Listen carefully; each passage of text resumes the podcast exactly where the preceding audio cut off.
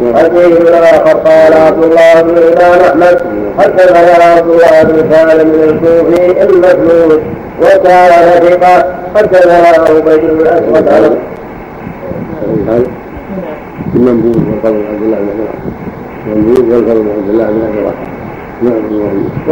حدثنا عبيد بن الأسود عن القاسم بن الوليد عن أبي ثابت عن ربيعة بن نافع عن عبادة بن الصالح قال قال رسول الله صلى الله عليه وسلم يأخذ الوضع. قال كان رسول الله صلى الله عليه وسلم يأخذ الوضرة من ظهر البعير من المغنم ثم يقول ثم يقول ما فيه إلا مثل ما لأحدكم إياكم والغلو والغلول فإن الغلول خزي على صاحبه يوم القيامة. أكل الخيط والمحيط وما فوق ذلك وجاهدوا به في سبيل الله القريب والبعيد. فإن الجهاد فإن الجهاد باب من أبواب الجنة. إنه ينجي الله به من الهم والغم. وأقيموا حدود الله القريب والبعيد ولا تأخذكم بالله لومة لائم وقد روى وقد روى ابن ماجه بعضه عن المسعود له حديث آخر. والفضل بن عبيد الله بن أبي رافع المدني مقبول من السابع النسائي. نعم. نعم. عبد الله بن عبيد الله لعل شريك الله عبد الله ابن عبيد الله ابن عبيد الله ابن عبيد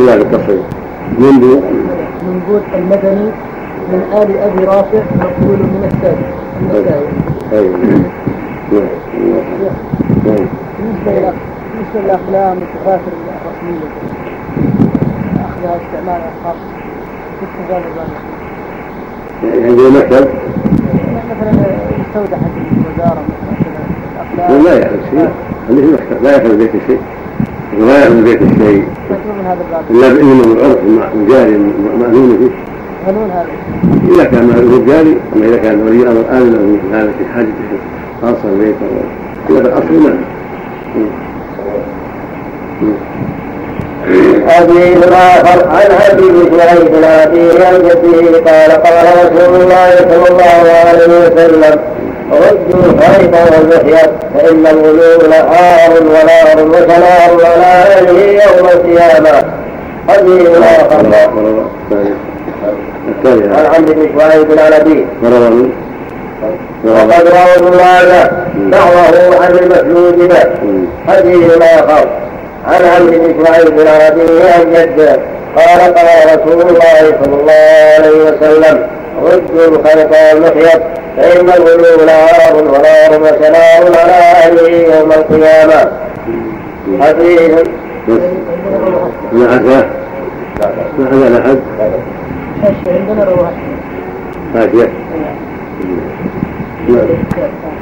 عندنا نعم نعم مجلد نعم حديث آخر قال أبو داود حدثنا عثمان بن أبي شيبة حدثنا جرير عن مطرف عن أبي الجهم عن أبي مسعود الأنصاري قال بعثني رسول الله صلى الله عليه وسلم سائلا ثم قال انطلق يا مسعود لا ألزمك يوم القيامة تجيء على ظهرك أوتي لا ألزمك يوم القيامة تجيء على ذلك ببعير من إذ الصدق له رؤى قد غللت قال إذا لا أنطلق. قال إذا لا أسرعك فرغد به أبو داود حديث قال أبو داود حدثنا عثمان بن أبي شيبة حدثنا جرير عن مقرف عن ابي الجهم عن أبي مسعود الأنصاري. قال بعثني رسول الله صلى الله عليه وسلم ساريا ثم قال ثم قال انطلق يا مسعود ألزمنك يوم القيامة بي ولا ظهرك بحصادهم ببعير من ابن الصدقات له رواه قد غللت قال إذا لا انطلق قال إذا لا اسره تفرد به ابو داود اخر قال أبو بكر بن مردوي حديث آخر. قال أبو وأبو بكر بن أنبأنا محمد بن أحمد بن إبراهيم. أنبأنا محمد بن عثمان بن أبي شيبة. أنبأنا عبد الحميد بن صالح أنبأنا أحمد بن عباد عن علقمة عن موقف عن أبي بردة عن النبي صلى الله عليه وسلم قال إن الحجر في جهنم يهوي سبعين خريفا ما يبلغ قرها ويأتي بغلول ويؤتى بغلول ويكره معه ثم يقال لمن غل به ائت به كذلك قوله ومن يغلل يأتي بما غل يوم القيامة. حديث آخر قال الإمام أحمد حدثنا هاشم بن قاسم حدثنا أكرمة بن عمار حدثني سماك الحنفي. أبو جميل حدثني عبد الله بن عباس حدثني عمر بن الخطاب قال لما كان يوم خيبر أقبل نفر من أصحاب رسول الله صلى الله عليه وسلم فقالوا فلان شهيد وفلان شهيد حتى أتوا على رجل فقالوا فلان شهيد فقال رسول الله عليه وسلم كلا إني رأيته في النار في بؤلة غلاها أو أباها ثم قال رسول الله صلى الله عليه وسلم اذهب فنادي للناس إنه لا يدخل الجنة إلا المؤمنون. قال فناديت إنه لا يدخل الجنة إلا المؤمنون. وكذا رواه مسلم والترمذي من حديث عكرمه بن عمار وقال الترمذي حسن صحيح. حديث آخر عن عمر رضي الله عنه قال ابن جرير حدثني أحمد بن عبد الرحمن بن حدثني أحمد بن عبد الرحمن بن وهب. حدثني عبد الله بن واحد أخبرني عمرو الحارث أنه عمرو بن الحارث بن الحارث نعم. نعم عمرو بن الحارث أنه سمع جبير حدثه أن عبد الله بن عبد الرحمن بن حباب الاوصالي حدثه أن عبد الله بن الليث حدثه أنه تذاكر وعمر بن الخطاب يوما الصدقة وقال ألم تسمع قول رسول الله صلى الله عليه وسلم حين ذكر وجود الصدقة من غل من غل منها بعيرا أو شاة فإنه يحمله يوم القيامة. قال عبد الله بن أنيس بلى. ورواه ابن ماجه عن عمرو بن سوار عن عبد الله بن وهب سواد بالدال سواد بن عن عمرو بن سواد عن عبد الله بن وهب به حديث اخر قال ابن جرير ابو الجهل ابو الجهل الجوزجاني الجوزجاني الجوزجاني سليمان بن الجهل ترجمة. سليمان بن جهم بن أبي جهم الأنصاري الحارثي أبو جهم الجوزجاني مولى البراء ثقة من الثالث أبو داود والنسائي وابن ماجه. وفي آخر أبو الجهم الحنفي الأزرق بن علي. الأزرق بن علي الحنفي أبو الجهم صدوق يغرب يغرب من الحادي عشر أبو داود في الناس. نعم الحديث الحديث الذي قبل هذا يخرج من جواز تسمية معين بالشهيد يظهر من هذا في هذا الباب حديث كثير المقتول سبيل الله يسمى شهيد والله يتولى امره يوم القيامه فيما بينه وبينه المقتول يقتل في سبيل الله يسمون شهداء الله قوله فيما بينه وبين الله اليه سبحانه وتعالى هذا في حق المعين. نعم. هذه؟ قول الحديث الله كلا ينفي أن يقال ليس بشهيد يعني هذا يريد ان يقال لا يحصل له الشهادة. نسال الله السلامه هذا يفيد أنه لا لا لا سالمين. لا يصح الواحد بعينه بأنه شهيد صريح أنهم وصفوهم بأعيانهم وسكت عنهم النبي فاقرهم لكن بالشهاده استثناء ترجم في البخاري رحمه الله باب لا يقال فلان شهيد يمكن على معنى آخر يعني في جهه المعنى الداخلي الباطني ولا هذه صحيحة صريحه في الشهداء مثل ما قال صلى الله عليه وسلم ما عليك نبي أو صديق أو شهيد.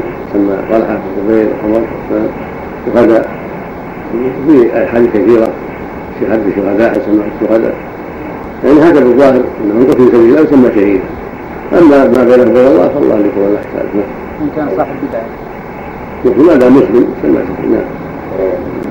حدثنا فقال ابن جرير حدثنا يحيى بن سعيد الاموي حدثنا ابي حدثنا يحيى بن سعيد عن نافع بن عمر ان رسول الله. صلى الله عليه وسلم بعث سعد بن عباده مصدقا فقال يا سعد اياك ان تجيء يوم القيامه ببعير تحمله له واو قال لا آخذه ولا أجيء به فأعطى ثم رواه ثم رواه من طريق عبيد الله عن نافع به نحوه. حديثا فقال أحمد حدثنا أبو سعيد حدثنا عبد العزيز بن محمد حدثنا صالح بن محمد بن زايدة عن سالم بن عبد الله أنه كان مع مسلمة بن عبد الملك في أرض في أرض الروم ووجد في متاع في متاع رجل غلولا قال فسال سالم فقال فسال سالم بن عبد الله. قال حدثني أبي عبد الله عن عمر بن الخطاب رضي الله عنه أن رسول الله صلى الله عليه وسلم قال من وجدتم في متاعه غلولا فاحرقوه قال واحسبوه قال واضربوه. قال فأخرج متاعه فأخرج متاعه للسوق فوجد فأخرج متاعه للسوق ووجد فيه مصحفا. فسأل سالما فقال بعه وتصدق بثمنه. وقد رواه علي بن مدين وأبو داود والترمذي من حديث عبد العزيز بن محمد الكراوردي زاد ابو داود وابو اسحاق الفزاري كلاهما على واقد الذي الصغير صالح بن محمد لذلك كذا وقال علي بن المديني والبخاري أو غيرهما هذا حديث البخاري وغيرهما هذا حديث منكر من رواية أبي واقد هذا وقال الدار قطني الصحيح أنه من فتوى سالم فقط وقد ذهب وقد ذهب إلى القول بمقتضى هذا الحديث الإمام أحمد بن محمد ومن من أصحابه وقد رواه الأموي عن معاوية وقد رواه الأموي عن معاوية عن أبي إسحاق عن يونس بن عبيد عن الحسن قال عقوبة الآن أن يخرج رحله ويحرق على ما فيه ثم روى معاوية عن أبي إسحاق عن عثمان ثم روى ثم روى عن معاوية ثم روى عن عن ابي إسحاق عن عثمان بن عطاء عن ابيه عن علي قال قالوا يجمع رحله ويحرق ويجلد ويجلد دون حد المملوك ويحرم نصيبه دون حد دون حد ثم روى عن معاوية عن ابي اسحاق عن عثمان بن عطاء عن ابيه عن علي قال قال يجمع رحله ويحرق ويجلد دون حد المملوك ويحرم نصيبه دون أربعين وقال وهو ابن ابي حنيفه ومالك والشافعي والجمهور فقال لا يحرق متاع الغال بل يعزر تعذير مثله وقد قال البخاري الحديث ضعيف. ولهذا قال الجمهور لا لا يحرك ولكن يؤدب. يرى غريب الأمر. نعم. كان هذا ضعيف. صاحب بن زائده هذا أبو وائل الليثي ضعيف الحديث. نعم. وقد قال البخاري وقد انكر رسول الله صلى الله عليه وسلم من الصلاة على الغالب ولم يحرك متاعه والله أعلم. وقد قال الإمام أحمد حدثنا أسود بن عامر أن على إسرائيل وعلى أبي إسحاق عن جبير بن مالك قال أمر بالمصاحف أن تغير. قال فقال ابن مسعود من استطاع منكم أن يضل أن يضل مصحف أن يضل مصحفا فليغل فإنه من غل شيئا جاء به يوم القيامة. ثم قال قرأت من في رسول الله صلى الله عليه وسلم سبعين مرة فأترك ما أخذت من في سورة. سبعين سورة. يعني إن مسعود حفظها قديما قبل زيد بن قبل الهجرة هذا لما أمر عثمان بإحراق المصاحف من المصحف الذي كتبه الجماعة بأمره. أمر أن تحرق المصاحف الأخرى حتى لا يقع اختلاف بين الناس وأن يقرأ القراءة على حرف واحد. ثم رحمه الله هل المصحف عنده وأمسكه وأصحابه. تأول قوله إياه يكون غني يوم القيامة قال أنا آتي بمصحفي يوم القيامة. كيف يحرق مصحفي وأنا حدث صغيرة ورثة قبل قبل هجرة وكان عثمان الله استشار الصحابة في هذا فاجتمع رأيهم على إحراق ما سوى مصحف الإمام حتى لا تقع حروف مخالفة فيختلف فيها الناس. كان رأيه صار رأيا رشيدا أحرقت المصاحف ولم يقل واحد والذي عليه قراءة الناس لأن النبي صلى الله عليه وسلم هو أن يقرأ على حرف وعلى حرفين وعلى ثلاثة وعلى أربعة إلى سبعة تخفيا عن أمة. فجمعهم على حرف واحد عثمان حتى لا تقع شكا إلى حذيفة والجماعة قالوا أدرك الأمة فإنهم اختلفوا في القراءة. فقرأ ما رأى رضي الله عنه. وجمعهم على مصحف واحد وأحرق ما سوى ذلك. واستمر الله على ذلك من عهده صلى الله وسلم إلى يومنا هذا نعم. ثم قرأت في رسول الله صلى الله عليه وسلم. تدري سورة أفأترك ما أخذتم في رسول الله صلى الله عليه وسلم؟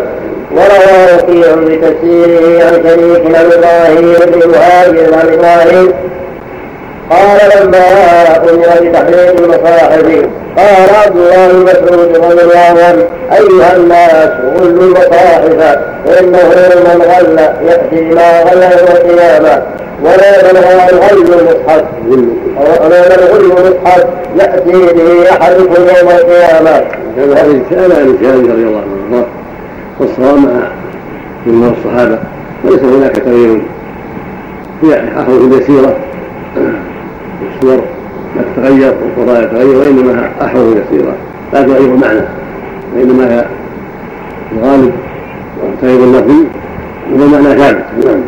شيخ في صف في أول فقط حديث يقول طريق الاخرى عن عمر قال ابن جرير حدثنا أحمد بن عبد الرحمن بن وهب. حدثنا عبد الله بن وهب أخبرني عمرو بن الحارث أن موسى بن جبير حدثه أن عبد الله بن عبد الرحمن بن الحباب الأنصاري حدثه أن عبد الله بن أنيس حدثه أنه تذاكر هو وعمر بن الخطاب يوما صدقه فقال ألم تسمع رسول الله صلى الله عليه وسلم حين ذكر حلول الصدقه من غل تقدم تقدم تقدم وقال ابو داود عن سمرة بن منذر قال قال رسول الله صلى الله عليه وسلم إذا غنم آل غنم غنيمة أمر بلالا وينادي للناس فيجوز فيجوز فيجوز بغنائمهم فيجيء فيجيء بغنائمهم بغنائمهم فيخلص ويقسم فيخلصها ويخلصه ويقسمه فجاء رجل وما وما وجاء وجاء رجل وما بعد النداء بزمام من شعر فقال يا رسول الله هذا كان مما اخذناه من الغنيمه فقال سمعت بلالا ينادي ثلاثا قال نعم قال وما نهاك ان تجيء فاعتذر اليه فقال صلى انت تجيء به يوم القيامه فلم اقبله ولم اقبله منك وقوله تعالى أفمن اتبع رضوان الله كم وجاء رجل يوما بعد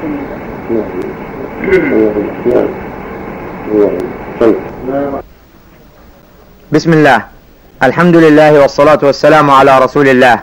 أما بعد فإلى هنا يكون قد تم الفراغ بحمد الله تعالى.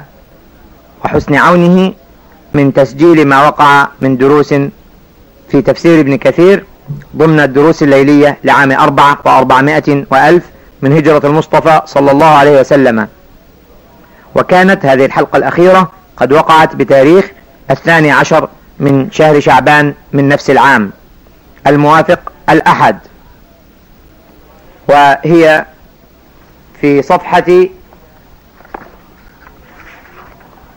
أربعة وعشرين وأربعمائة من تفسير ابن كثير المجلد الأول طبعة دار المعرفة بيروت لبنان. يستأنف فيما بعد إن شاء الله تعالى ما وقع ضمن الدروس الليلية لعام خمسة وأربعمائة وألف من هجرة المصطفى عليه أفضل الصلاة وأتم التسليم وذلك ضمن الدروس الليلية. تبدأ الحلقة الأولى في عام خمسة وأربعمائة وألف من هجرة المصطفى صلى الله عليه وسلم بتاريخ الثاني عشر من شهر الله المحرم الموافق الأحد من نفس الموضع في صفحة أربع وعشرين وأربعمائة من المجلد الأول وهو من بداية السطر الرابع من هذه الصحيفة وهو قوله رحمه الله تعالى في تفسير قوله تعالى أفمن اتبع رضوان الله كمن باء بسخط من الله ومأواه جهنم وبئس المصير.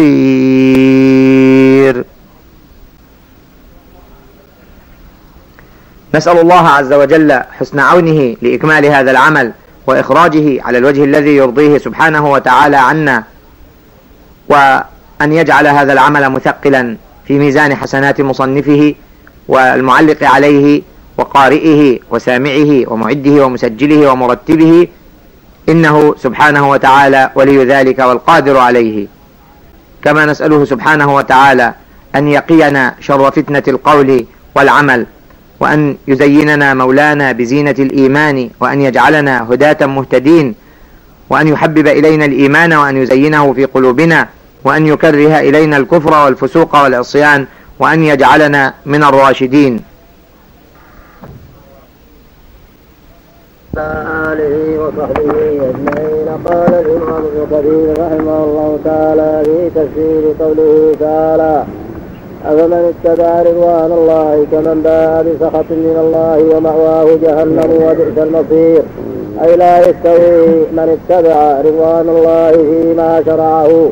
فاستحق رضوان الله وجزيل ثوابه وأجير من غير عقابه ومن استحق غضب الله وألزم به فلا محيد له عنه ومواه يوم القيامة جهنم. ومواه يوم القيامة جهنم وبئس المصير. وهذه الآية لها نظائر كثيرة في القرآن كقوله تعالى أفمن يعلم أن ما أنزل إليك من ربك الحق كمن هو أعمى وقوله أفمن وعدناه وعدا حسنا فهو لاقيه كمن متعناه متاع الحياة الدنيا الآية ثم قال تعالى هم درجات عند الله قال الحسن البصري المعنى في هذا بسم الله صلى على محمد. التحريض على الاستقامة والأخذ بأسباب السعادة والتحذير من أسباب الخزي والندامة وأنه لا يستوي هؤلاء وهؤلاء عند ذوي العقل واللب والبصيرة. أفمن اتبع رضوان الله بالاستقامة على طاعته واتباع شريعته كمن باء بسخط من الله. كالذي ركب المحارم واتبع الهوى فباء بسخط من الله نعوذ بالله. لا يستوي هؤلاء وهؤلاء كما قال عز وجل لا يستوي أصحاب النار وأصحاب الجنة. أصحاب الجنة هم الفائزون. وينبغي للعاقل أن يتحرى أسباب السعادة دائما دائما. أينما كان؟ في بيته في الطريق في المسجد في السفر في الإقامة في الصحة في المرض في الشدة والرخاء في جميع الأحوال. يتحرى أسباب السعادة. يتحرى القيام بأمر الله يتحرى البعد عن أسباب سخط الله حتى يلقى ربه وهو في جهاد وفي عناية تامة. لا يتساهل أو يسوف في الأعمال الصالحة أو يتساهل بأسباب سخط الله فإن هذا من أعظم الأسباب لمرض القلوب وانتكاسها. ثم طبع عليها وختم عليها ولا حول ولا قوة إلا بالله. إن الأبرار لفي نعيم وإن الفجار لفي جحيم. أثر وعدناه وعد حسنا هو لاقيه. كان متعناه متاع الحياة الدنيا ثم يوم القيامة يوم محضرين في جهنم نسأل الله العافية. لا يستوي هؤلاء وهؤلاء. نعم الله المستعان. قال الحسن البصري ومحمد بن إسحاق يعني أهل الخير وأهل الشر درجات. وقال أبو عبيد والكسائي منازل يعني متفاوتون في منازلهم درجاتهم في الجنة ودركاتهم في النار كقوله تعالى ولكل درجات مما عملوا الآية ولهذا قال تعالى والله بصير بما يعملون أي أي وسيوليهم إياها لا يظلمهم خيرا ولا يزيدهم شرا. بل يجازي كل عامل بعمله. وقوله تعالى والمعنى أن هؤلاء المغلوب عليهم وهؤلاء المرضي عنهم درجات ليسوا على حد سواء. المرضي عنهم منهم من هو في أعلى عليين ومنهم من هو تحت ذلك ودون ذلك وهكذا منازل. كما قال النبي صلى الله عليه وسلم الجنة لا يتراءون أهل غرف فوقهم كما تتراءون الكوكب الدري الغابر في السماء في الافق الشرقي أو الغربي. لتباعد ما بينهم من المنازل وتفاوت ما بينهم من المنازل. فمنهم من هو في أعلى الدرجات لمسابقته إلى الطاعات واستقامته على الخيرات وابتعاده عن كل ما حرم الله. ومنهم من هو دون ذلك. ومنهم من هو ظالم نفسه عنده سيئات ومعاصي. وتكون درجته دون ذلك. هكذا أهل النار دركات درجاتهم متفاوتة. فأهل الجنة درجاتهم إلى علو وإلى ارتفاع في المنزلة. وأهل النار درجاتهم إلى سفل ثم كان أشد عذابا صار إلى أسفل. ولهذا قال تعالى إن المنافقين في الدرك الأسفل من النار. صاروا في أسفل الدركات نعوذ بالله. لخبثهم. وإظهارهم الإسلام وإبطالهم الخلافة وإيذائهم المؤمنين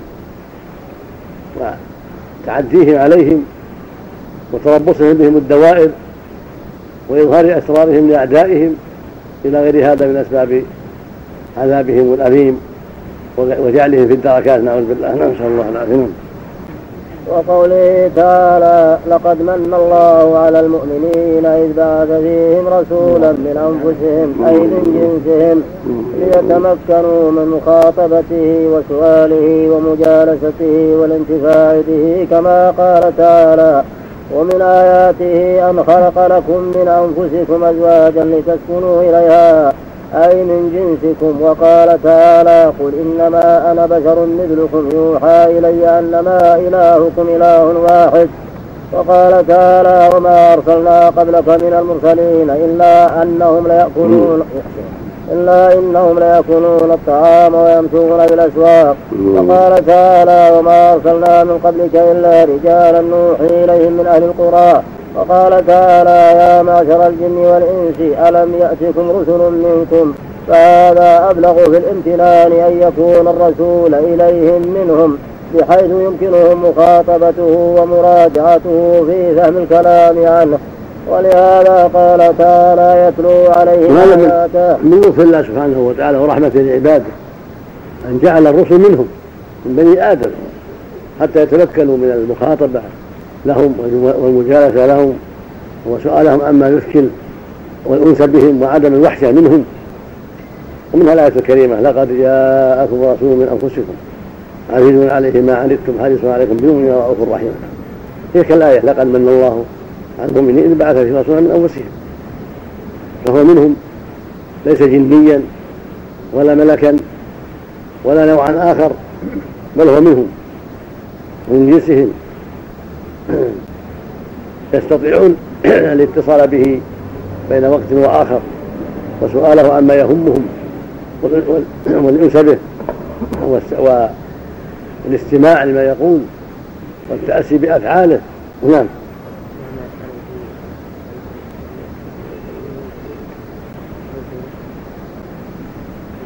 هذا ظاهر الآية. رسول منكم يعني من جنسكم. والإنس بلغوا الجن والجن بينهم تقارب مع الإنس من بعض الوجوه وفيهم النذر مشهور عند العلماء أن رسولهم نذر يقولون لهم الرسالات التي جاء بها البشر من بني آدم. فهم رسل منهم ينقلون عنهم لهم الرسالة المحمدية وما قبلها من الرسالات. ومشهور عند الجمهور أن الجن ليس فيه رسول مباشر يوحى إليه. وإنما رسول ينقل إليهم. مثل ما بعث النبي الرسل إلى الأقاليم والبلدان تنقل عنه ما جاء به الوحي. فالرسل من الجن ينقلون من عن النبي النبي صلى الله عليه وسلم ويحضرون مجالسه وينقلون إلى قومهم البلاغ والدعوة. قال بعض أهل العلم إن فيه رسول إن فيه رسل منهم كما قال ابن حزم والجماعة. ولكن الذي عليه أهل العلم جمهور أهل العلم وأكثرهم أن نقول منكم ليس على إطلاقها. وأن المراد بالرسل الذين ينقلون إليهم ما قاله الأنبياء من, من الإنس لأن قالوا ما أرسلنا من قريه الا رجالا وحيا من أهل القرى. هذا الإطلاق يظهر منه انه المراد به الإنس. ليس الجن. ومحتمل أن يكون على ظاهر الآية وأن فيه رسل منهم يوحى إليهم. لا نعلم مانعا يعني يحيل ذلك كما قال ابن حزم والجماعة. نعم. ولهذا قال الله تعالى يتلو عليهم آياته يعني القرآن ويزكيهم أي يأمرهم بالمعروف وينهاهم عن المنكر. فيهم رجال وأنه كان رجال من الإنس يعوذون برجال من الجن. فذكورهم يسمون رجال. الإنس والجن كلهم يسمون رجال. لكن الأغلب أن رجال الجن يقيدون ورجال الإنس يطلقون. ولكن لا مانع من الإطلاق. نعم. ولهذا قال تعالى يتلو عليهم آياته يعني القرآن ويزكيهم أن يأمرهم بالمعروف وينهاهم عن المنكر لتزكو نفوسهم وتطهر من الدنس والخبث الذي كانوا متلبسين به في حال شركهم وجاهليتهم. ويعلمهم الكتاب والحكمة يعني القرآن والسنة وإن كانوا من قبل وإن كانوا من قبل أي من قبل هذا الرسول لفي ضلال مبين أي أي لفي غي وجهل ظاهر جلي بين لكل أحد. هذه حال الناس.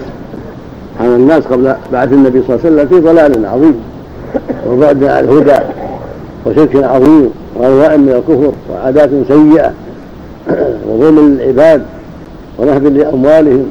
واحتقار لفقرائهم فكانوا في ضلال بعيد. حتى رحمهم الله بهذا النبي العظيم والشرع المبين فأنقذهم الله من الظلم والشر والفساد والشرك والكفر وأخرجهم به من الظلمات إلى النور وجعلهم على صراط مستقيم في أعمالهم وأخلاقهم. فزكاهم الله بهذا النبي العظيم وبالكتاب الكريم وعلمهم الكتاب وعلمهم الحكمة وهداهم إلى خير الطرق وازاح عنهم الكفر والضلال والعادات السيئة. هذا من فضله ورحمته. وما أرسلناك إلا رحمة للعالمين. هذا من فضله وإحسانه جل وعلا. الله أكبر. نعم.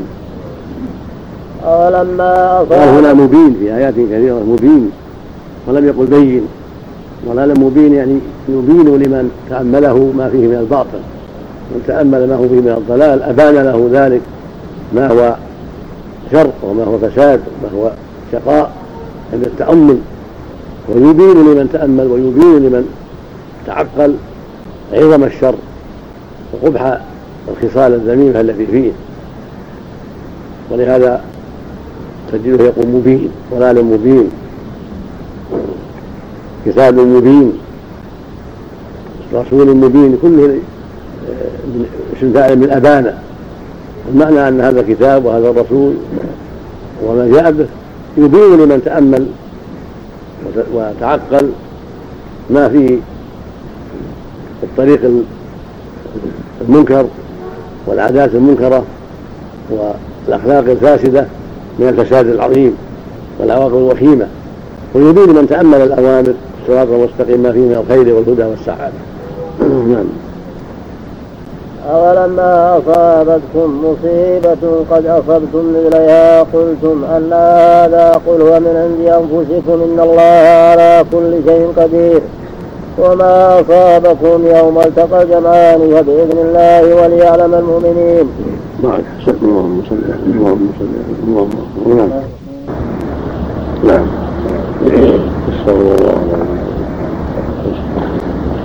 بسم الله الرحمن الرحيم الحمد لله رب العالمين والصلاة والسلام على أشرف المرسلين نبينا محمد وعلى اله وصحبه اجمعين قال الامام ابن كثير رحمه الله تعالى في تفسير قوله تعالى أولما أصابتكم مصيبة قد أصبتم مثلها قلتم أن هذا قل هو من عند أنفسكم إن الله على كل شيء قدير.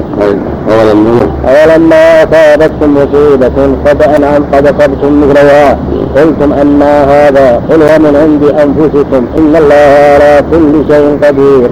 وما أصابكم يوم التقى جمعان. وبإذن الله وليعلم المؤمنين وليعلم الذين نافقوا وقيل لهم تعالى قاتلوا في سبيل الله وأصلحوا.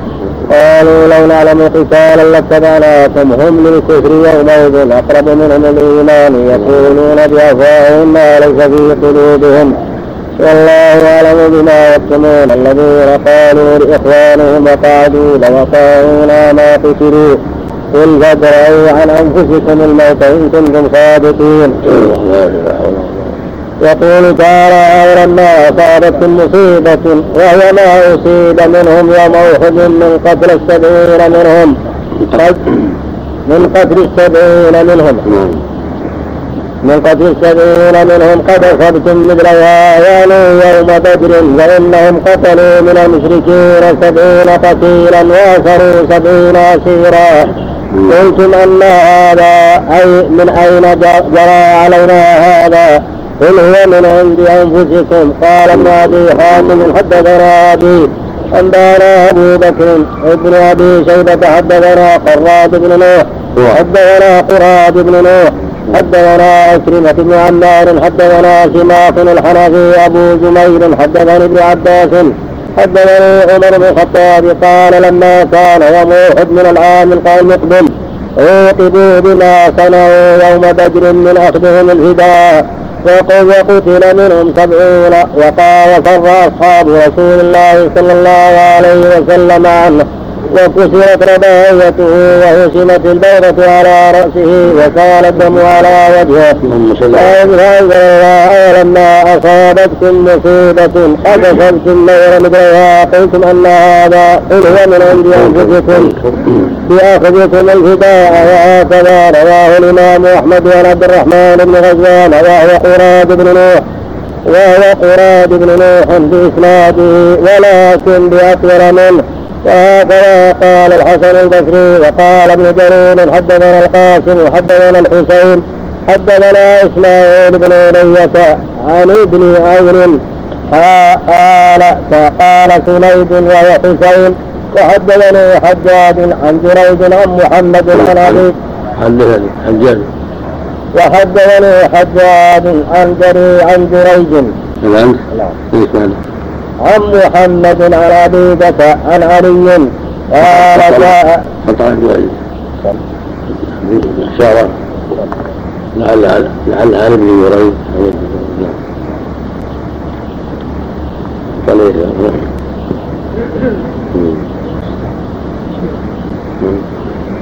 أبو نوح ولا ابن نوح؟ نعم مراد ابن نوح. ولا أبو نوح؟ ابن نوح ولا أبو نعم مراد بن نوح عن محمد عن ابي عن علي قال جاء جبريل إلى النبي صلى الله عليه وسلم وقال يا محمد وقال يا محمد إن الله قد كره ما صنع قومك في أخذهم الأسارى وقد أمرك أن تخيرهم بين أمرين إما أن يقدموا وتبرد يقدموا أن يقدموا وتبرد أعناقهم وبين أن يأخذوا الفداء على أن يقتل منهم عدتهم. قال فدعا رسول الله صلى الله عليه وسلم الناس فذكر لهم ذلك وقالوا يا رسول الله عشائرنا وإخواننا ألا نأخذ هداءهم فنتقوى به على قتال عدونا ويستشهد منا عدتهم. فليس في ذلك ما نكره. قال فقتل منهم يوم أحد سبعون رجلا عدة أهل بدر. وهكذا رواه النسائي والترمذي من حديث أبي داود الحضري. عن يحيى بن زكريا عن يحيى بن زكريا بن أبي زائدة عن سفيان بن سعيد. وهكذا رواه النسائي والترمذي من حديث أبي داود الحفري عن يحيى بن زكريا بن ابي بن ابي بن أبي زائدة عن سفيان بن سعيد عن هشام بن حسان عن محمد بن سيرين به. ثم قال الترمذي حسن غريب لا نعرفه إلا من حديث ابن أبي زائدة. وروى أبو أسامة عن هشام نحوه وروى عن ابن سيرين عن عبيده عن النبي صلى الله عليه وسلم مرسلا. وقال محمد بن إسحاق وابن جرير والربيع بن أنس السدي قل هو من عند أنفسكم أو بسبب عصيانكم لرسول الله صلى الله عليه وسلم حين أمركم ألا تبرحوا ألا تبرحوا من مكانكم فعصيتم يعني بذلك الرماة. إن الله على كل شيء قدير. أيدي أن يفعل ما يشاء ويحكم ما يريد. لا معقب لحكمه. ثم قال تعالى أن الله جل وعلا قضى وقدر أن يصاب منهم هذا العدد بسبب إخلال الرماة بموقفهم والواجب على الجيش والامتثال والطاعة والحذر من المعصية. فلما حصل ما حصل من الخلل بالموقف والفشل والتنازع أصابهم ما أصابهم بدخول جيش الكفار عليهم من ورائهم. وصار الجيش من ورائهم ومن أمامهم واضطرب الناس واختلط الناس فحصل ما حصل من الهزيمة وقتل السبعين. وهذا يبين أن الواجب على المؤمنين وإن كانوا أتقى أهل الأرض أن يأخذوا بالأسباب التي شرعها الله. وأن يحتاطوا ويحذروا النزاع والفشل والمعصية فإن ذلك من أسباب تسويق الأعداء. ولهذا قال عز وجل ولقد صدقه الله وعده إذ تخشونهم بإذنه حتى إذا فشلتم وتنازعتم في الأمر وعصيتم من بعد ما أراكم وتحبون. لا سلطوا عليكم وجرى ما جرى. وهنا قال ولما أصابتم مصيبة قد أصبتم مثلها. قلتم أما هذا فإن أصابنا هذا وهو من عند أنفسكم يعني أصابكم بأسباب أعمالكم التي فعلتم يعني فعلها منكم العصاة الذين لم يثبتوا في مكانهم الذي أمروا به وتنازعوا حصل حصل ما حصل بأسبابهم وتخلفهم عن موقفهم. نعم. اللهم ثم قال تعالى وما أصابكم يوم التقى الجمال فبإذن الله أو فراركم بين يدي عدوكم وقتلهم لجماعة منكم وجراحتهم لآخرين كان بقضاء الله وقدره وله الحكمة في ذلك وليعلم المؤمنين أي الذين صبروا وثبتوا ولم, ولم يتزلزلوا وليعلم الذين نافقوا وقيل لهم تعالوا قاتلوا في سبيل الله وادفعوا قالوا لو نعلم قتالا لاتبعناكم. يعني بذلك أصحاب عبد الله بن ابن أبي ابن أبي بن سلول الذي رجعوا معه في أثناء الطريق واتبعهم رجال الذين الذين. الذين الذين رجعوا معه في أثناء الطريق واتبعهم رجال من المؤمنين يحرضونهم على الإتيان والقتال والمساعدة. ولهذا قال أو ادفعوا. قال ابن عباس وعكرمة وسعيد بن جبير والضحاك وأبو صالح والحسن والصديق يعني كفروا سواد المسلمين. وقال الحسن بن صالح ادفعوا بالدعاء. ثم قال تعالى وما أصابكم يوم التقى الجمال فبإذن الله أي فراركم بين يدي عدوكم وقتلهم لجماعة منكم وجراحتهم لآخرين كان بقضاء الله وقدره وله الحكمة في ذلك وليعلم المؤمنين أي الذين صبروا وثبتوا ولم, ولم يتزلزلوا وليعلم الذين نافقوا وقيل لهم تعالوا قاتلوا في سبيل الله أو ادفعوا قالوا لو نعلم قتالا لاتبعناكم. يعني بذلك أصحاب عبد الله بن ابن أبي ابن أبي بن سلول الذي رجعوا معه في أثناء الطريق واتبعهم رجال الذين الذين الذين الذين رجعوا معه في أثناء الطريق واتبعهم رجال من المؤمنين يحرضونهم على الإتيان والقتال والمساعدة. ولهذا قال أو ادفعوا. قال ابن عباس وأكرمة وسعيد بن جبير والضحاك وأبو صالح والحسن والسدي يعني كثروا سواد المسلمين. وقال الحسن بن صالح ادفعوا بالدعاء. وقال غيره رابطوا فتمللوا قائلين لو نعلم قتالا لاتبعناكم. قال مجاهد يعنون لو نعلم أنكم تلقون حربا لجئنا لا لجئنا لجئناكم. ولكن لا تلقون قتالا. قال محمد بن إسحاق حدثني محمد بن مسلم بن شهاب الزهري ومحمد بن يحيى بن حيان وعاصم بن عبد ومحمد بن بن حبان وعاصم بن عمرو بن قتادة بن عمر وعاصم بن عمر بن قتادة والحسين بن عبد الرحمن بن عمرو بن سعد بن بن معاذ وغيرهم من علمائنا كلهم قد حدث.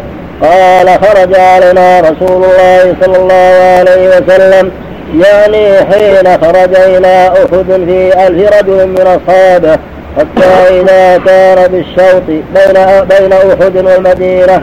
انحاز عنه عبد الله بن أبي بن سلول بثلث الناس وقال أطاعهم فخرج وعصاني والله ما ندري على على ما نقتل أنفسنا ها هنا أيها الناس. فرجع بمن اتبعه من الناس من قومه أهل النفاق وأهل الريب. واتبعهم عبد الله بن عمرو بن حرام أخو بني سلمة يقول أخو بني سلمة يقول يا قوم يذكركم الله ألا تخذلوا نبيكم وقومكم عندما حضر من عدوكم؟ قالوا لو نعلم أنكم تقاتلون ما أسلم ما أسلمناكم ولكن لا نرى أن يكون قتال. فلما استعصوا عليه وأبوا إلا الانصراف عنهم قال أبعدكم الله أعداء الله. فسيغني الله عنكم ومضى رسول الله صلى الله عليه وسلم. قال الله عز وجل هم للكفر يومئذ أقرب منهم للإيمان. استدل به على أن الشخص قد تتقلب به الأحوال ويكون في حال أقرب إلى الكفر. وفي حال أقرب إلى الإيمان بقوله تعالى هم للكفر يومئذ أقرب منهم للإيمان. ثم قال ثم قال تعالى يقولون بأفواههم ما ليس في قلوبهم. يعني أنهم يقولون القول ولا يعتقدون صحته ومنه قولهم هذا. لو نعلم قتالا لاتبعناكم فإنهم يتحققون أن جندا من المشركين قد جاءوا من بلاد بعيدة يتحرقون على المسلمين بسبب ما أصيب من أسرابهم يوم بدر. وهم أضعاف المسلمين أنه كان كأنه كان بينهم قتال. أنه كائن بينهم. قتال لا محالة. يعني أن قوله لو لم قتلت لاتبعناكم كلام فاسد باطل. وهم يعرفون أن هناك قتالا وهؤلاء ما جاءوا ليأكلوا ويشربوا. ما جاءوا عن زميل الغداء والعشاء جاءوا للقتال. إن ولكن حملهم النفاق والشك والريب والحقد نسأل الله العافية. نعم. لأن عبد الله رئيسهم منافق معروف. فحمله نفاقه وخبث طويته على أن دعا قومه بالخذلان والتخلف. فافتضحوا وظهر نفاق من من طاوعه منهم. ولهذا قال سبحانه وتعالى وليعلم المؤمنين وليعلم المنافقون يعني هذه المصيبة وهذه المحنة لها أسباب. ولها حكم وأسرار. من جملتها الدلالة على أن المعاصي من أسباب الخذلان ومن أسباب تسليط الأعداء. ومن الحكم فيها تمييز المؤمنين وإظهار شرفهم وفضلهم ثباتهم عند القتال وصبرهم وأن إيمانهم يحملهم على الصبر والثبات عند الزعازع والمحن وتخلف الكثير عن الأمر العظيم الحاضر. ومنها إظهار نفاق المنافقين وتمييزهم وبيان جزعهم خبرهم وضعفهم وعدم صبرهم عند المحن. فله فيها حكم سبحانه وتعالى وله جل وعلا الحجة البالغة فصار في هذه المصيبة وهذا القتال فوائد وحكم وأسرار متعددة. منها أن يتميز أن يعرف الناس أن المعاصي عواقبها وخيمة وأن شرها عظيم. ولهذا قال جل وعلا في الآية الأخرى وما أصابهم مصيبة فبما كسبت أيديكم ويعفو عن كثير. قال عز وجل ما أصابه من حسنة من الله وما أصابه من شيء من نفسك وقال هنا أولا ما أصابه مصيبة قد أصبتم إذا قلتم أن هذا هو من عند أنفسكم ثم بين بعد هذا أن هذا عن قضاء وقدر. يعني قال وما أصابه من تقدر بإذن الله. يعني قد سبق في علم الله قد قدره الله لحكم وأسرار واقعة معلومة له سبحانه وتعالى ظهرت وبانت بوجود هذه المحنة وهذه المصيبة.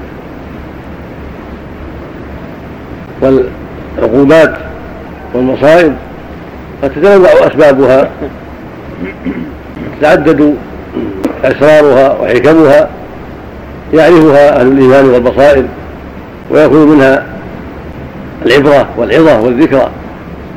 نعم. ولهذا قال تعالى والله أعلم بما يكتمون ثم قال تعالى ومن فوائدها أيضا أن يعلم المؤمنون أن النصر ليس بالكثرة ولا بالسلاح ولا بمجرد الإيمان بغير عمل بل لا بد من الأخذ بالأسباب لأن الله قال وأعدوا لهم مسافة من قوة وقال خذوا حذركم. فلا بد من الأخذ بالأسباب ولا يكفي أن يكون مؤمنا وخصمه كافرا لا يكفي بل لا بد من أخذ الأهبة والحيطة والعدة وأخذ الحذر عند مقابلة الأعداء. ولو كان أحد ينصر بمجرد إيمانه وبمجرد تقواه لله من غير من غير أخذ بالأسباب ومن غير ترك لما يوجب الهزائم لكان رسول الله اولى الناس بهذا عليه الصلاة والسلام. ولكان أصحابه اولى الناس بهذا. فهو صلى الله عليه وسلم أفضل الخلق وأفضل الأنبياء وأصحابه أفضل الناس. بعد الأنبياء هم أولياء الله ومع هذا أصابهم ما أصابهم. ليعلم الناس أنه لا بد من أخذ الحيطة ومن العمل بالأسباب التي شرعها الله ومن إعداد القوة ومن ترك النزاع والفشل ومن جمع الكلمة واتحاد الصف ضد العدل نعم ولهذا قال تعالى والله أعلم بما يكتمون ثم قال تعالى الذين قالوا لإخوانهم وقعدوا ليطاعونا ما قتلوا. أو أي لو سمعوا ما من مشورتنا عليهم بالقعود وعدم الخروج ما قتلوا مع من قتل. قال الله تعالى قل فادروا عن أنفسكم الموت إن كنتم صادقين. أي إن كان القعود يسلم به الشخص من القتل والموت فينبغي أنكم لا تموتون. والموت لا بد آت إليكم ولو كنتم في بروج مشيدة. فادفعوا عن أنفسكم الموت إن كنتم صادقين. قال مجاهد عن جابر بن عبد الله نزلت هذه وفي عبد الله بن أبي بن سلول وأصحابه. والمعنى أن الخبر والضعف والجبن والخوف من الأعداء لا يدفع الموت. الموت مقدر لا بد آت ولن يدفعه عنك خبرك وضعفك وخذلانك أصحابك في مواطن القتال. القتل في سبيل الله اشرف وافضل والموت لا بد منه. من تخلف عن القتال لئلا يموت فسوف يموت حبس أنفه بالقدر الذي قدره الله. ولن يفوت الله عز يفوت الله عز وجل هذا الشخص أو هؤلاء الأشخاص الذين تخلفوا ولهذا قال قل فادرأوا أنفسكم الموت إن كنتم صادقين. إن كان الجبن والخبر والضعف يدفع الموت فينبغي ألا تموتوا. والأمر ليس كذلك. فكل نفس ذائقة الموت. ولما كان الإنسان من قوة ومن تحصن في بروج مشيدة أو بحرس شديد أو بغير هذا فالموت آت عليه ولن يرده راد فينبغي للعاقل أن يموت موتا شريفا وأن يأخذ بأسباب النصر وأسباب العوبة وأن يحقق إيمانه وتقواه لله بالقتال في سبيله وبالأخذ بالأسباب التي شرعها سبحانه وبالحزم والقوة والشجاعة والإقدام في مواطنها هذا هو الذي ينبغي للمؤمن أينما كان. والموت آت إن كان مقدرا لك في هذه الغزوة أو في هذه السرية أو في هذا اليوم وقع. وإلا تأخر إلى وقته وموعده. وصار لك الشرف والفضل والأجر بما حضرت من القتال وبما فعلت من أسباب يرضاها المولى سبحانه وتعالى. نعم اللهم المستعان ولا تحسبن الذين قتلوا في سبيل الله أمواتا بل أحياء عند ربهم يرزقون فرحين بما آتاهم الله من فضله ويستبشرون بالذين لم يلحقوا بهم من خلفهم ألا خوف عليهم ولا هم يحزنون. ما يحسن الله لا حول ولا قوة إلا بالله اللهم المستعان. بسم الله الرحمن الرحيم. الحمد لله رب العالمين والصلاة والسلام على أشرف المرسلين نبينا محمد وعلى آله وصحبه أجمعين. قال الإمام ابن كثير رحمه الله تعالى في تفسير قوله تعالى ولا تحسبن الذين قتلوا في سبيل الله أمواتا بل أحياء عند ربهم يرزقون. فرحين بما آتاهم الله من فضله ويستبشرون بالذين لم يلحقوا بهم من خلفهم ألا خوف عليهم ولا هم يحزنون. يستبشرون بنعمة من الله وفضل وأن الله لا يضيع أجر المؤمنين.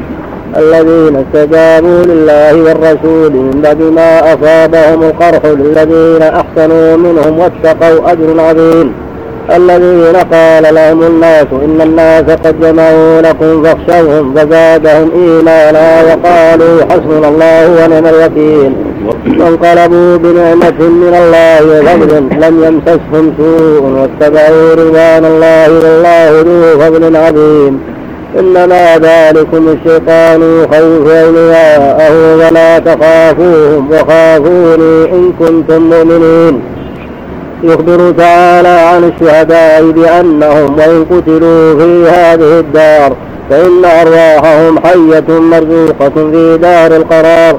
قال محمد بن جرير حدثنا محمد بن مرزوق حدثنا عمرو بن يونس عن عكرمة حدثنا حدثنا قال محمد بن جرير حدثنا محمد بن مرزوق حدثنا عمرو بن يونس. عن عمرو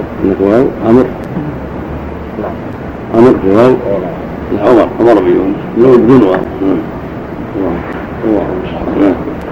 حدثنا عمر بن يونس. عن حكيمة حدثنا إسحاق بن أبي طلحة. حدثني أنس بن مالك في أصحاب رسول الله صلى الله عليه وسلم.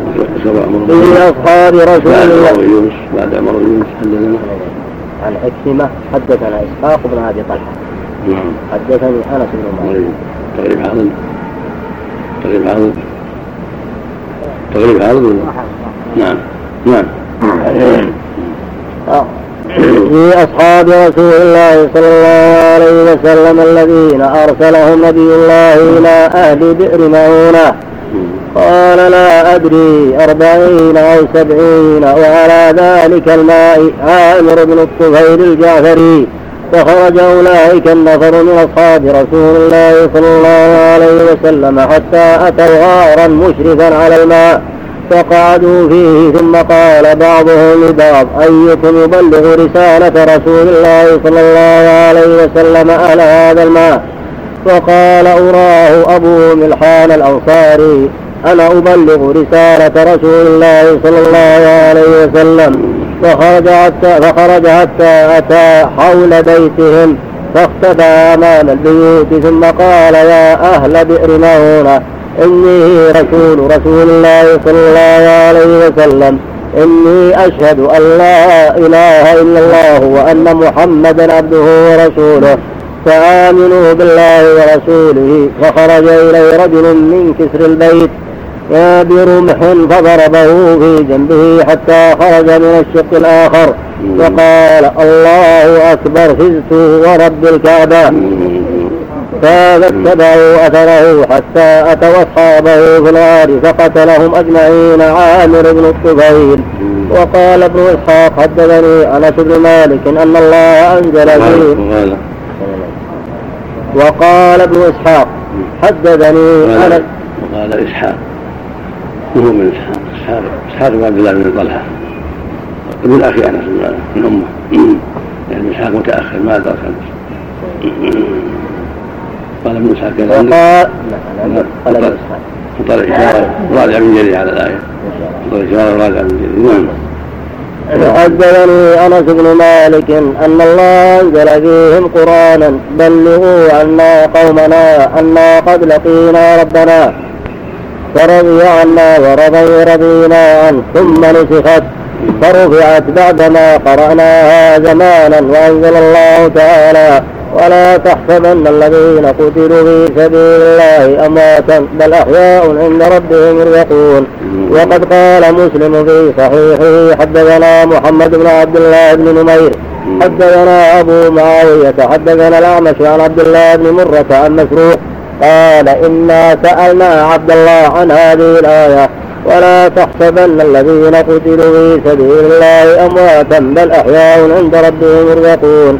فقال أما إنا قد سألنا عن ذلك رسول أما أما إنا قد سألنا أما إنا قد سألنا عن ذلك رسول الله صلى الله عليه وسلم فقال أرواحهم في جوف في جوف طير خضر خضر. لها قناديل معلقة بالعرش تسرح من الجنة حيث شاءت. ثم تهوي إلى تلك القناديل فاطلع عليهم ربهم اطلاعة فقال هل تشتهون شيئا؟ فقالوا أي شيء نشتهي ونحن نسرح من الجنة حيث شئنا. ففعل ذلك بهم ثلاث مرات فلما رأوا أنهم لم يتركوا من أن يسألوا قالوا يا رب نريد أن ترد أرواحنا في أجسادنا حتى نقتل في سبيلك, في سبيلك مرة أخرى. فلما رأى أن ليس لهم حاجة تركوا وقد روي نحو نحو هذا هذا من لطف الله جل وعلا ومن إظهاره فضل الشهداء وقد عوضوا عن أجسامهم. أجسام طيور الحب تحمل أرواحهم وتسرح بها في الجنة حيث شاءت ثم تأوي إلى قناديل معلقة تحت العرش. وأظهر الله هذا ليشتاق المؤمنون إلى الشهادة في سبيل الله ويعرفوا فضل الشهادة وما لها من العاقبة الحميدة. وهذا شأن الشهداء. أما المؤمنون فإن نفس أرواحهم تكون طيرا في الجنة تسرح حيث شاءت في الجنة. نفس الروح تكون طيرا تسرح في الجنة حتى ترد إلى جسدها. كما في الحديث الصحيح رواه أحمد وغيره. من طريق الشافعي عن مالك. ابن كعب بن ذلك عن فيه أن أرواح المؤمنين طائر يعلق بشيء الجنة حتى يرده الله إلى جسده. وهذا أيضا من نعيم الله المعجل لأرواح المؤمنين. نعم. وقد روي نحوه من حديث أيضا عن النبي صلى الله عليه وسلم أنه قال ما من ميت له خير عند الله يتمنى يرجع إلى الدنيا إلا الشهيد فإنه يتمنى أن يرجع يرجع إليه فيقتل عشر مرات لما يرى من فضل الشهادة. الله أكبر. نعم. والنبي صلى الله عليه وسلم قال إنه عليه الصلاة والسلام يحب أن يقتل في سبيل الله ثم يحيى ثم يقتل. ثم يحيى ثم يقتل في سبيل الله عز وجل. نعم. اللهم صل على وسلم نعم وقد روي نحوه من حديث أنس وأبي سعيد. حديث آخر. قال الإمام أحمد حدثنا عبد الصمد حدثنا حماد حدثنا ثابت عن أنس أن رسول الله صلى الله عليه وسلم أن رسول الله صلى الله عليه وسلم قال ما من نفس تموت لها عند الله خير يسرها أن ترجع إلى الدنيا إلا الشهيد. فإنه يسره أن يرجع إلى الدنيا فيقتل مرة أخرى مما يرى من فضل الشهادة. تفرد به مسلم من طريق حماد. حديث آخر قال الإمام أحمد حدثنا علي بن عبد الله المديني حدثنا سفيان بن محمد بن علي بن ربيعة السلمي عن عبد الله بن محمد عن عبد الله بن محمد بن عقيل عن جابر. قال قال لي رسول الله صلى الله عليه وسلم أعلمت أن الله أحيا أباك فقال له تمن. فقال له أرد إلى الدنيا وأقتل فيك مرة أخرى. قال إني قضيت أنهم إليها لا يرجعون. تفرد به أحمد من هذا الوجه وقد ثبت في الصحيحين وغيرهما أن أبا جابر وهو عبد الله بن عمرو بن حرام الأنصاري رضي الله عنه قتل يوم أحد شهيدا. قال البخاري وقال أبو الوليد عن شعبة عن ابن المنكدر سمعت جابرا قال لما قتل أبي جعلت أبكي وأكشف الثوب عن وجهه فجعل أصحاب رسول الله صلى الله عليه وسلم ينهوني والنبي صلى الله عليه وسلم لم ينهه. فقال النبي صلى الله عليه وسلم لا تبكه أو ما تبكيه ما زالت الملائكة تظله بأجنحتها حتى رفع. وقد اسنده هو ومسلم والنسائي من طرق عن شعبة عن محمد بن منكدر عن جابر. قال لما قتل أبي يوم أحد جعلت أكشف الثوب وجهي وأبكي وذكر تمامه بنحوه حديث آخر. قال الإمام أحمد حدثنا يعقوب حدثنا أبي عن أبي إسحاق حدثنا إسماعيل ابن أبي ابن أمية بن عمرو. وقال الإمام حدثنا قال الإمام أحمد حدثنا يعقوب نعم. حدثنا أبي عن أبي إسحاق. عن أبي إسحاق؟ نعم. لعل عن ابن إسحاق. عن ابن إسحاق. صاحب السيرة عن ابن إسحاق. لعل عن ابن إسحاق صاحب السيرة التاريخ الراجع. لأن الشيخ اللي ابن إسحاق. صاحب السيرة نعم. هو أبو إسحاق. لعل عن ابن إسحاق. ونسخة ابن إسحاق. نعم. في نسخة ابن إسحاق. نعم عندكم نعم أنه هو إسحاق هو شيخ شيخ شيخ يعقوب.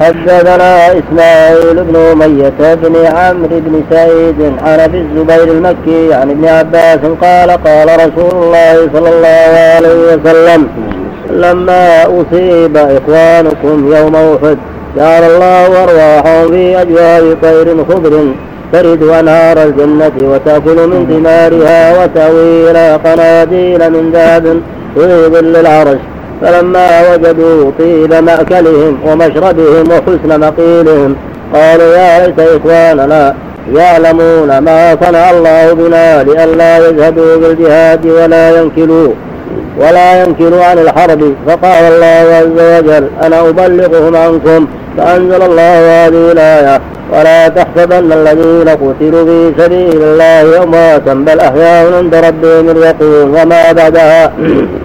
وهكذا رواه أحمد ورواه ابن جرير عن يونس عن ابن وهب عن إسماعيل بن عياش عن محمد بن إسحاق به. ورواه أبو داود. صح هذا صح من إسحاق. وروى أبو داود الحاكم في مستدركه من حديث عبد الله بن إدريس عن محمد بن إسحاق عن محمد بن إسحاق به. ورواه أبو داود والحاكم عن إسماعيل بن أمية عن أبي الزبير عن سعيد بن جبير عن ابن عباس رضي الله عنهما فذكره وهذا أثبت. وكما رواه سفيان الثوري عن سالم من الأقصص عن سعيد بن جبير عن ابن عباس وروى الحاكم في مسلكه من حديث أبي إسحاق. عن من حديث أبي إسحاق الفزاري عن سفيان بن إسماعيل بن أبي خالد عن سعيد بن جبير عن ابن عباس. عن سفيان؟ نعم. إيش؟ عن سفيان بن إسماعيل. كذا؟ كذا عندكم؟ من إسماعيل؟ ولا عن إسماعيل؟ عن إسماعيل. نعم. عن إسماعيل. عن إسماعيل نعم. سفيان عن إسماعيل. عن بدل البن عن. عن إسماعيل بن أبي خالد عن سعيد بن جبير عن ابن عباس قال نزلت هذه الآية في في حمزة وأصحابه. ولا تحسبن الذين قتلوا في سبيل الله أمواتا بل أحياء عند ربهم يرزقون. ثم قال صحيح على شرط الشيخين ولم يخرجاه وكذا قال قتادة والربيع والضحاك أنها نزلت في قتلى أحد. حديث آخر من أتاك فإنها عامة تعم قتلى أحد وتعم قتلى بالمحونة وتعم قتلى ما وقع في الأحزاب مكة وغير ذلك. تعم قتل المسلمين الشهداء تعمهم حتى إلى زماننا وبعد زمان الله أكبر نعم حديث آخر قال أبو بكر بن أبي مردويه قال وقال بكر بن مردويه عليه.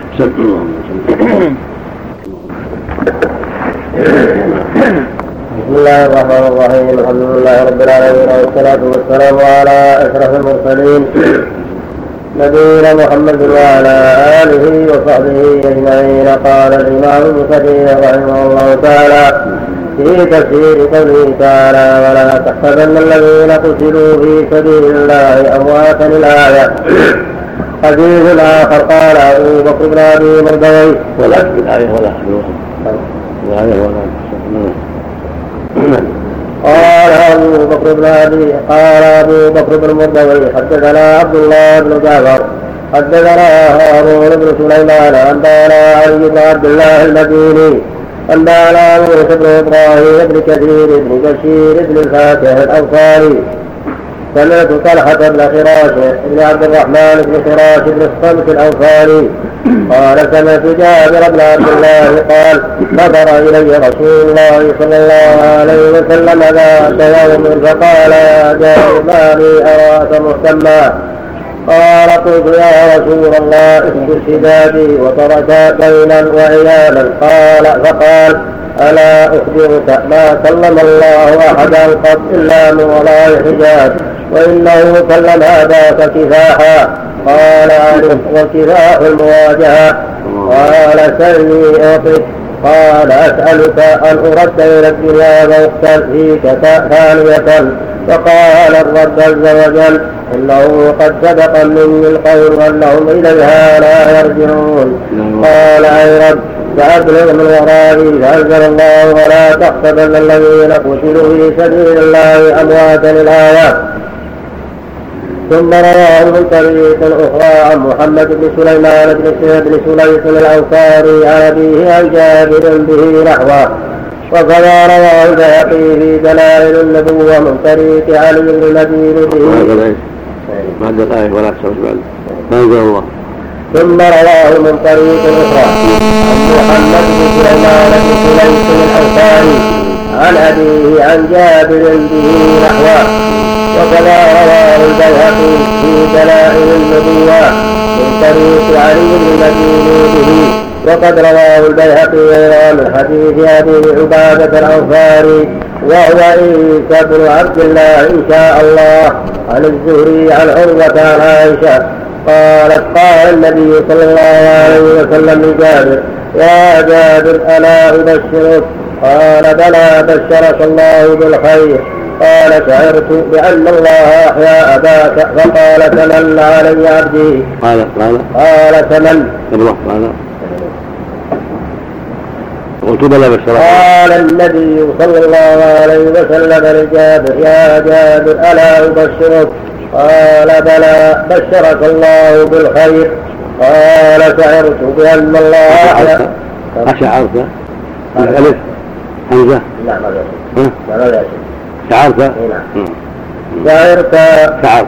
شعرت من باب من باب نصارى شعر يشعر. شعرت بأن الله أحيا أباك وقال تمنى لي عبدي ما شئت أو تشاء. قال يا رب ما عبدتك حق عبادك؟ أتمنى عليك ما عبدتك حق عبادتك؟ أتمنى عليك أن تدخل الدنيا ويقاتل مع نبيك. وأبتل فيك مرة أخرى. قال إنه سلف مني أنه إليها لا يرجع. حديث آخر قال الإمام أحمد حدثنا يعقوب حدثنا أبي عن ابن إسحاق. حدثنا الحارث بن هبير الأنصاري عن محمود بن لبيد ابن عباس. قال قال رسول الله صلى الله عليه وسلم الشهداء على بارق نهر بباب الجنة. فيه قبة خضراء يخرج إليهم رزقهم من الجنة بكرة وعشيا تفرد به أحمد وقد رواه ابن جريج. الشهداء الشهداء الشهداء الشهداء الشهداء على بارق نهر بباب الجنة فيه قبة خضراء يخرج إليهم رزقهم من الجنة بكرة وعشيا. تفرد به أحمد. وفي نظر لأن الحديث الصحيح. أرواح الشهداء تسرح في الجنة حيث شاءت. ثم ترجع إلى قناديل من الذهب معلقة بالعرش. تأوي إليها. هذا بارق نهر في نظر. في تقريب هذا. في الحارث بن فضيل. الحارث بن فضيل. في ابن إسحاق له أوهام وإن صرح بالسماع ليس بذاك الحافظ كثيرا. الله قوله في الحديث السابق وهو عيسى بن عبد الله إن شاء الله. كان المؤلف كان عنده له جازم نعم. يعتبر هذا شك نعم طعن في السند ما في شك. في التسمية. يعني مجهول يعني. كان في شك يعني. قالوا فلان ومو فلان. المكنى أبو عبادة. حاله يراجع يراجع كتب الرجال اذا شكه ما يشك غيره لكن سند سند المقبول في الغالب يعني يحتاج إلى نظر إلى طويل متأخر. نعم الحارث بن فضيل الأنصاري الخطمي. خطمي. نعم. أبو عبد الله المدني ثقة من السادس مسلم وأبو داود. ثقة من الثالثة. من السادس الثالثة نعم. مسلم وأبو داود والنسائي وابن ماجه.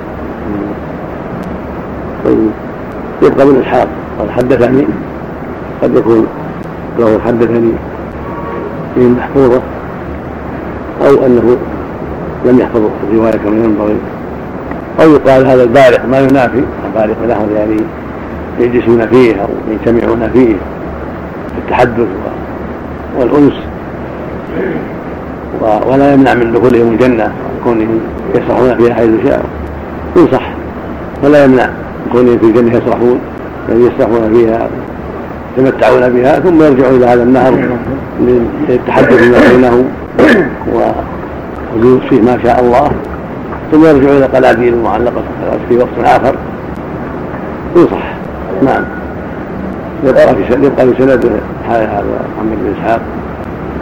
إذا كان صرح بالسماع هنا قال حدثني. نعم. وقد رواه ابن جريج عن أبي كريب حدثنا عبد الرحمن قد رواه وقد رواه ابن جريج. لا ابن جرير غلط نعم. عندنا ابن جريج نعم. ابن جرير نعم جرير نعم. وقد رواه ابن جرير عن أبي كريب حدثنا عبد الرحمن بن سليمان وعبيدة عن محمد بن إسحاق عبيدة ولا عبدة؟ عبيدة كنتم. حتى والأول عبد الرحمن كنت عندك عبد الرحمن بن نعم سليمان؟ نعم. نعم. الرحمن؟ اي نعم. كنت عبد الرحيم. كنت عبد الرحمن بن سليمان. كان عبد الرحيم. لعل عبد الرحمن بن سليمان صاعقة. يراجع تقريبا موجود نعم. سيد عبد الرحمن بن عبد الرحمن بن سليمان. عبد الرحيم بن سليمان.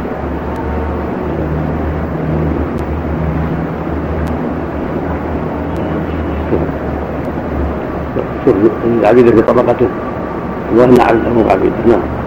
عبده عبيدة متأخر متقدم في التابعين نعم. حدثنا عبد الرحمن بن سليمان وعبيدة عن محمد بن اسحاق حدثنا عبد الرحمن بن سليمان وعبيدة عن محمد بن اسحاق به يمكن وهو إسناد جيد. ممكن عبيدة بن حميد عبيدة بن حميد ويا محمد بن إسحاق. نعم. وهو إسناد جيد. جيد. وهو إسناد جيد. وكان الشهداء أقسام. منهم من تسرح أرواحهم في الجنة ومنهم من يكون هناك. وكأن ومنهم وكأن الشهداء كأن وكأن ولا وكأن؟ وكأن. لعله وكأن سبحان الله. زنا وتأني نعم. زنا وتأني كأن يعني لأن هذا الحديث يعطي هذا المرأة نعم نعم. كأن الشهادة وجعل الشهداء أقسام منهم من تسرح أرواحهم في الجنة ومنهم من يكون على هذا النهر بباب الجنة. وقد يحتمل أن يكون منتهى سيرهم إلى هذا النهر. فيجتمعون هناك ويغدى عليهم برزقهم هناك. ويراح والله أعلم. وقد روينا في مسند الإمام أحمد حدثنا حديثا فيه الإشارة. وقد روينا الأقرب أن أن أن هذا لا يكون لا يكون سكنا لهم دائما. يكون مقرا للتجمع والمذاكرة والتحدث ولكنهم لا لا يمنعون من يدخلوا الجنة ويأكلوا ما شاءوا ويتمتعوا بما شاءوا. وكذلك كونهم يرجعون إلى القناديل لا يمنع ذلك لأن الأحاديث التي فيها أنهم في القناديل حتى في القناديل ويدخلون الجنة أصح أصح من رواية ابن إسحاق. رواه مسلم وغيره. هي أصح من رواية ابن إسحاق. ورواية ابن إسحاق إما أنهم قسم كما قال المؤلف قسم من الشهداء. هذا بعيد لأن قال أرواح الشهداء. الشهداء. فالأقرب أنه لا ينافي ذلك. يعني لهم لهم اجتماع على على بالغ النهار هذا ولهم دخول الجنة ويصلحون فيها. ومرجعهم ومقرهم عند وقت آخر القناديل يكون يتمتعون بهذا وهذا. وقد يكون هذا أكمل أكمل للنعيم أكمل للنعيم. تارة على بارق النهار يجتمعون تارة يصلحون في الجنة تارة في القناديل يكون هذا أكثر لتمتعهم بأنواع النعيم. نعم. عبد الرحيم. نعم. عبد الرحيم بن سليمان الكناني. أو الطائي. أبو علي الأشل المروزي نزيل الكوفة. ثقة له تصانيف من صغار الثامنة مات سنة سبع وثمانين. الجماعة. ولده عبد الرحيم. عبد الرحيم بن سليمان الكناني. أو الطائي أبو علي الأشد. المروزي نزيل الكوفة. ثقة له تصانيف من صغار الثامنة مات سنة سبع وثمانين. الجماعة. إيه. مات له الوحيد. كيف عبد الرحمن بن من الثامنة. هذا هذا مرتبة هذا هذا محله يعني سليمان هنا يعني بن جريج ثم شيخ فؤاد عبد الرحمن؟ بن سليمان نعم.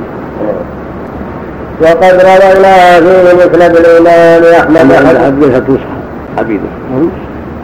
واللي عند عبيدة نسخة عبده. واحد منهم نسخة على ضد اللي عنده نسخة غير محكمة حتى حتى ينظر في رواية.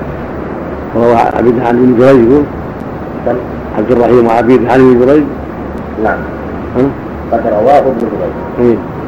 عن أبي قريب عبد ابن جرير ابن جرير عن أبي قريب إيش بعد؟ عن أبي قريب آه، حدثنا عبد الرحمن بن سليمان. وعبيدة عن محمد بن إسحاق بن وهو إسناد جيد. بس. ينظر في الراوي عن محمد بن إسحاق هل هو عبيدة أو عبد الرحمن؟ نعم. نعم. هذا الشيخ عبد الرحمن. إيه. عبد الرحمن بن سليمان بن أبي الجود بفتح الجيم العنسي بالنون أبو سليمان الداراني. صديق يخطئ من الثامنة. فأما أبو سليمان الداراني الزاهد. نعم. فأما أبو هذا سليمان هذا في طبقة له في طبقة عبد الرحيم كلاهما جامع نعم. علم عليه نعم علم عليه ماذا المال بس. نعم. في واحد ثاني. عبد الرحمن بن سليمان. فأما أبو سليمان فأما. فأما سليمان فأما أبو. فأما أبو سليمان الداراني. الزاهد فاسمه عبد الرحمن بن أحمد بن عطية العنسي أيضا وهو ثقة. لم يروي مسندا إلا واحدا. لم يروي نعم مسندا إلا. مم. وله حكايات في الزهد وهو من التاسعة. مات سنة اثنتين اثنتي عشرة. ابن ماجه. ماذا؟